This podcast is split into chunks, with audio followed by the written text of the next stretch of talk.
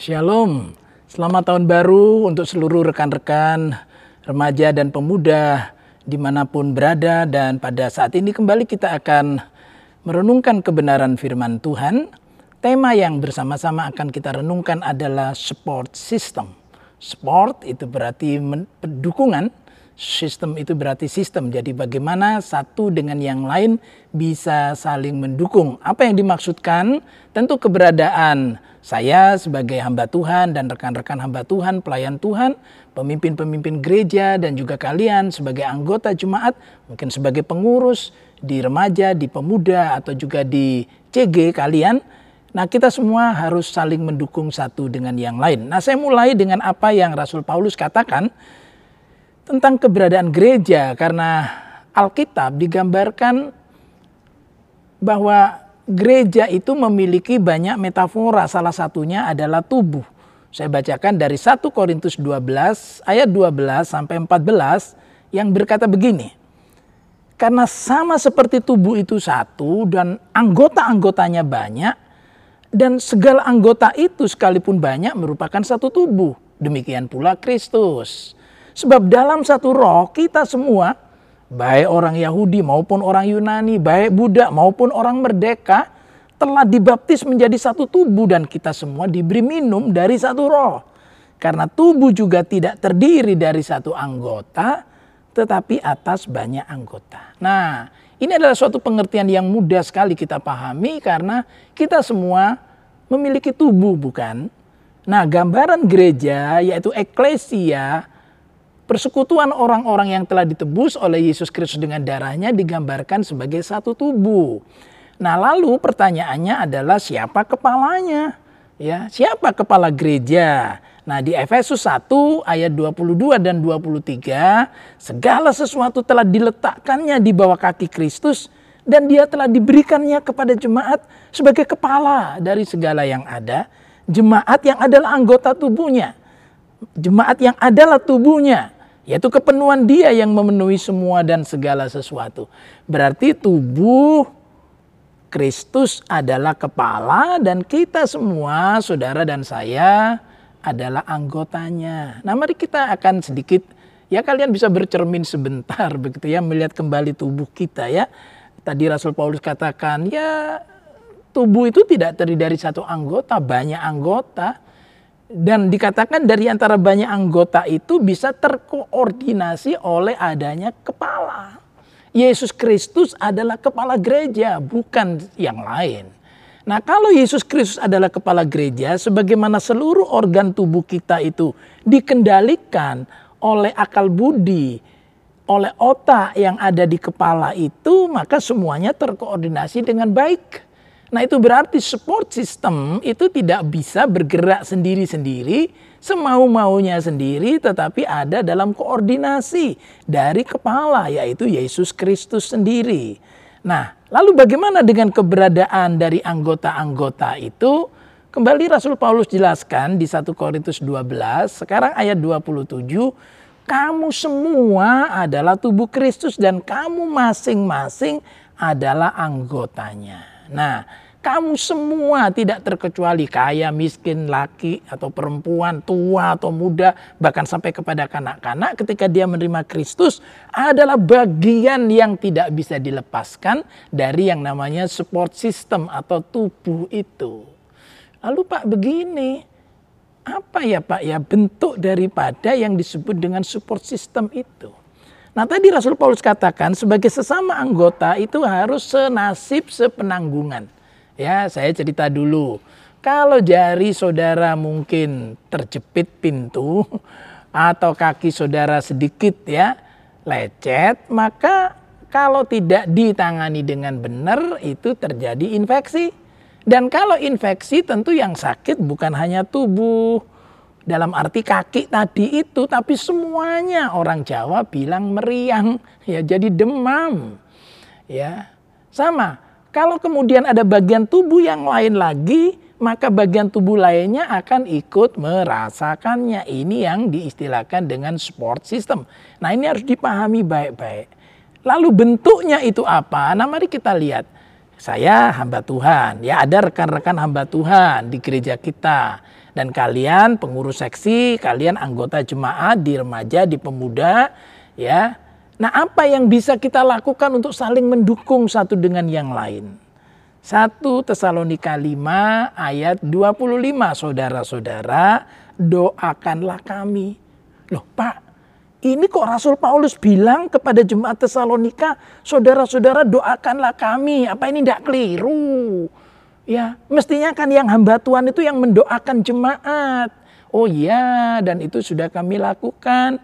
Setiap hari kami mendoakan kalian ya. Kami hamba-hamba Tuhan mendoakan kalian. Nah, tapi yang sering kali lupa adalah jemaat memberikan dukungan, kalian memberikan dukungan, memberikan support kepada orang-orang yang melayani, ya kepada pengurus seksi atau mungkin kepada majelis atau kepada kami rohaniwan itu dukungan doa. Oh itu besar sekali. Katakanlah remaja jumlahnya 300, pemuda jumlahnya 125 atau 150. Berdoa. Ya, wah itu dahsyat. Dan kami, saya ini dengan rekan-rekan yang lain itu membutuhkan dan sangat membutuhkan dukungan doa kalian. Jadi kata Rasul Paulus itu betul. Ya, kita rohaniwan, kita pemimpin gereja bukan Superman, ya. Kita justru sangat rentan juga ini mohon doakan kami. Nah, kalian bisa mendoakan ya. Kami juga terus mendoakan kalian. Jadi itu yang disebut dengan support system senasib sepenanggungan saling mendoakan. Itu bentuk yang paling awal ya, yaitu prayer atau doa. Lalu dukungan kedua itu apa? Kolose 3:16. Hendaklah perkataan Kristus diam dengan segala kekayaannya di antara kamu sehingga kamu dengan segala hikmat mengajar dan menegur seorang akan yang lain. Dan sambil menyanyikan mazmur dan puji-pujian dan nyanyian rohani kamu mengucap syukur kepada Allah di dalam hatimu.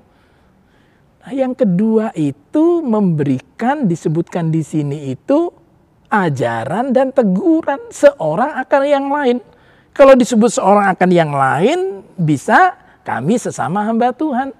Bisa kalian sesama jemaat tetapi juga bisa antara kalian dengan kami. Kami mengajar, saya mengajar, saya menegur kalau ada anak-anak muda yang keluar dari jalur firman Tuhan.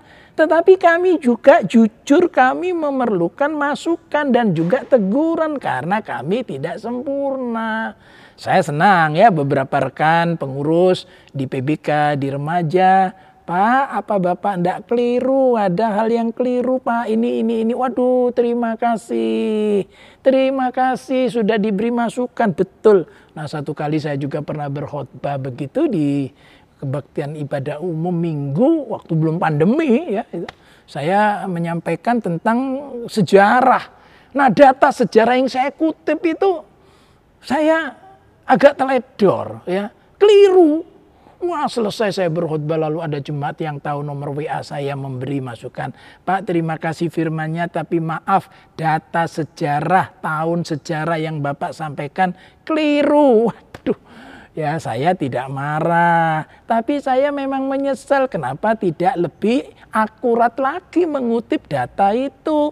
Sehingga lalu ada jemaat memberi masukan dan saya senang sekali karena dengan adanya hal seperti itu ya memberikan teguran, memberikan masukan, memberikan koreksi, maka saya bisa lebih hati-hati ke depannya. Saya bilang saya minta maaf dan terima kasih untuk tegurannya. Ya, jadi boleh jangan takut kalau kalian apalagi setelah kalian berdoa digerakkan oleh Tuhan temui hamba Tuhan itu berikan masukan, ya.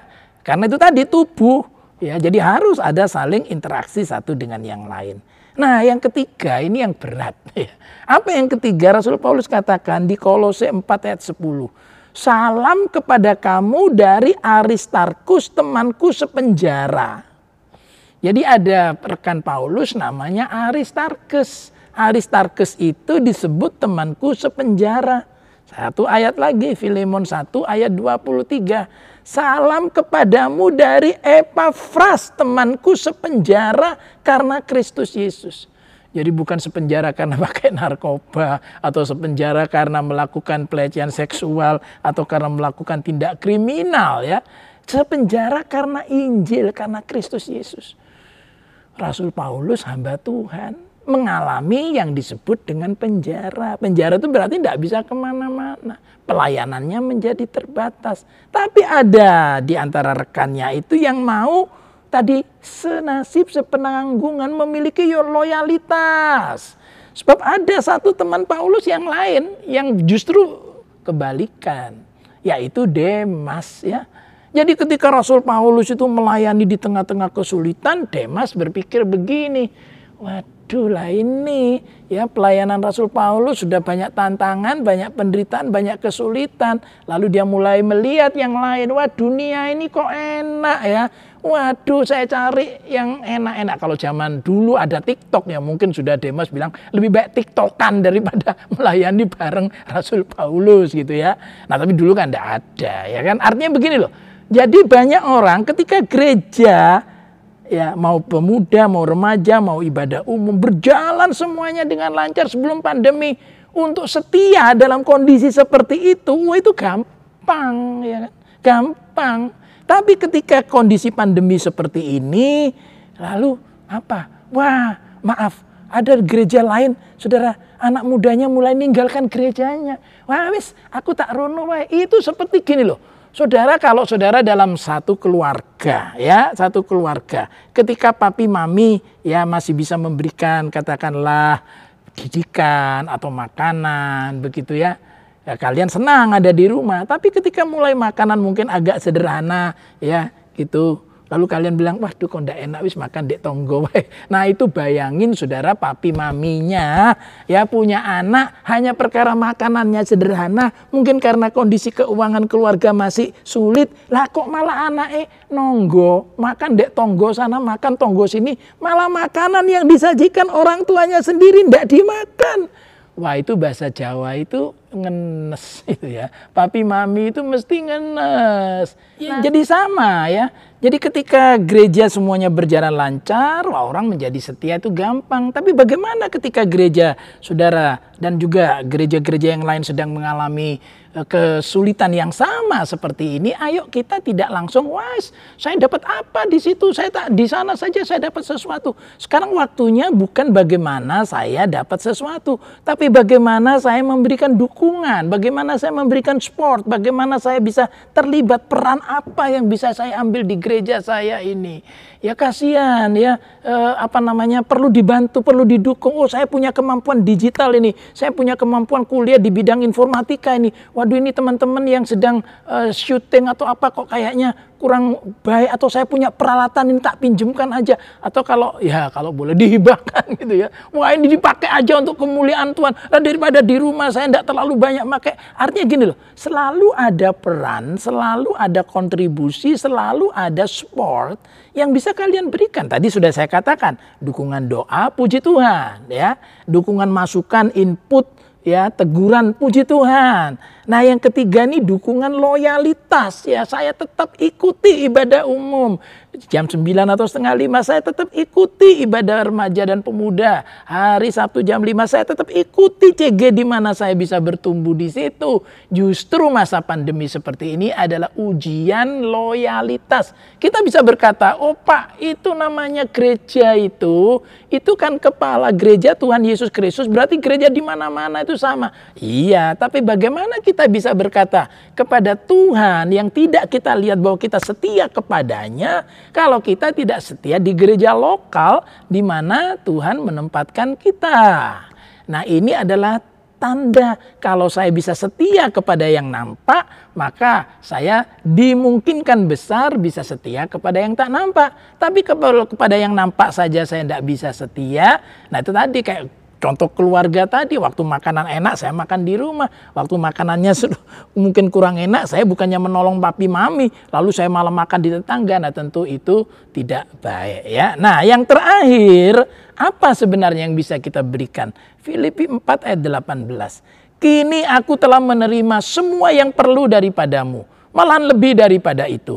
Aku berkelimpahan karena aku telah menerima kirimanmu dari Epafroditus. Suatu persembahan yang harum, suatu korban yang disukai dan yang berkenan kepada Allah.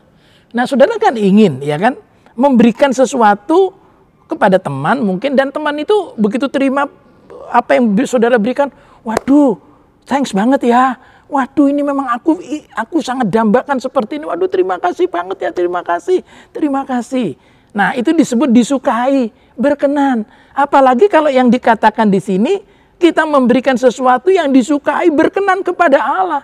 Apa yang dilakukan oleh jemaat di Filipi kepada Paulus? Memberikan bantuan, dukungan materi. Ya. Nah, sekarang di PRBK kan sudah ada itu yang namanya Curis, ya kan? Jadi jangan lalu wah saya tidak bisa ibadah onsite, jadi saya tidak memberikan persembahan dah gitu ya. Enggak, kita berikan sekarang kan sudah lewat digital ya, lewat Curis bisa di scan kemudian saudara kirim sejumlah dana ya yang saudara tahu digerakkan oleh Tuhan untuk memberikan itu. Nah, tentu dipakai untuk apa? Ya untuk pekerjaan Tuhan, pembiayaan-pembiayaan seperti ini, ya mungkin nanti perlu mengupgrade alat, mungkin nanti juga untuk kesejahteraan orang-orang tertentu. Jadi saudara-saudara, tadi kalau kita baca dari awal sampai akhir itu semua tulisan dari Rasul Paulus, karena dia itu orang hebat, ya. Tetapi dia tidak bisa melakukan misinya, penginjilannya tanpa dukungan orang-orang yang di sekitarnya ya ada dukungan doa tadi Salonika, ada masukan tadi di surat Kolose, ya ada loyalitas sampai bersedia ada di penjara bersama Paulus, ikut bersama menderita, ikut bersama di dalam yang disebut dengan keterbatasan itu, tidak meninggalkan Paulus, ya Aristarchus, ya Epaphras, wah itu setia loyalitas, lalu memberikan juga bantuan dana, sehingga apa? Rasul Paulus itu tidak menjadi beban bagi jemaat karena apa? Dia itu tukang kemah. Jadi kalau dia misalnya saja dana untuk dia makan, untuk dia hidup, tentu kan perlu kasutnya diganti, bajunya diganti ya kan. Dari mana? Dia bekerja. Bekerja apa? Tukang kemah. Ya, bersama siapa? Bersama Aquila, bersama siapa? Priscilla. Aquila, Priscilla itu adalah punya bisnis kemah. Nah, Rasul Paulus ikut bekerja, jadi tidak menjadi beban. Ya, Nah tetapi ada gereja-gereja yang memang hamba Tuhannya itu tidak boleh mengerjakan yang lain. Lalu bagaimana? Nah itu diberi oleh Tuhan berkat dari persembahan jemaat. Jadi saudara mau satu sen tanda petik ya. Seberapa dikatakan oleh Rasul Paulus bukan masalah besarnya. ya Bukan katanya. Aku berkelimpahan. Karena apa? Karena persembahanmu itu disukai berkenan kepada Allah. Nah, kalau kalian di empat hal ini bisa memberikan dukungan, saya percaya hati Tuhan itu disenangkan. Ya, lalu Pak, lu hamba Tuhan tuh bagaimana Pak? Saya beritahu rahasia ya kepada saudara. Kalau saya beritahukan rahasia ini bukan berarti bahwa saya mau menyombongkan diri tidak. Ya, saya dengan istri begitu menerima berkat Tuhan, selalu kita berdoa Tuhan untuk siapa ini. Ya, sebagian dari berkat ini tentu harus dibagikan kepada yang lain. Satu kali Tuhan berbicara, berikan kepada beasiswa. Jadi saya berikan tidak banyak, sekali lagi tidak banyak, tapi saya berikan kepada seksi beasiswa. Ya, saya ikut menyumbang kalau ada anak yang kesulitan biaya studi. Mungkin sekarang kalau sekarang biaya kuota. Nah, ini mungkin menolong satu anak untuk biaya kuotanya, ya. Jadi hamba Tuhan pun saudara-saudara kita tidak hanya berkhotbah menyuruh jemaat memberi, enggak loh. Firman itu pedang bermata dua.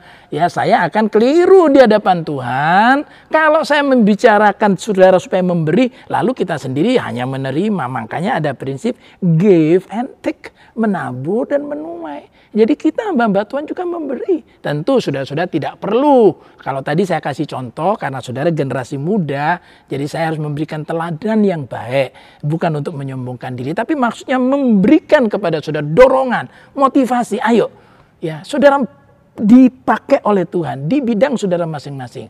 Berikan berikan dukungan doa, berikan masukan, ya apa yang saudara bisa, teguran-teguran, loyalitas, kesetiaan, dan juga apa berkat-berkat yang bisa saudara bagikan ya untuk kemajuan pekerjaan Tuhan. Dan saya percaya ketika kita ada dalam sport system ini, tubuh Kristus, Yesus Kristus adalah kepala, maka saudara itu akan menjadi gereja yang sehat dan nama Tuhan Yesus Kristus yang dipermuliakan.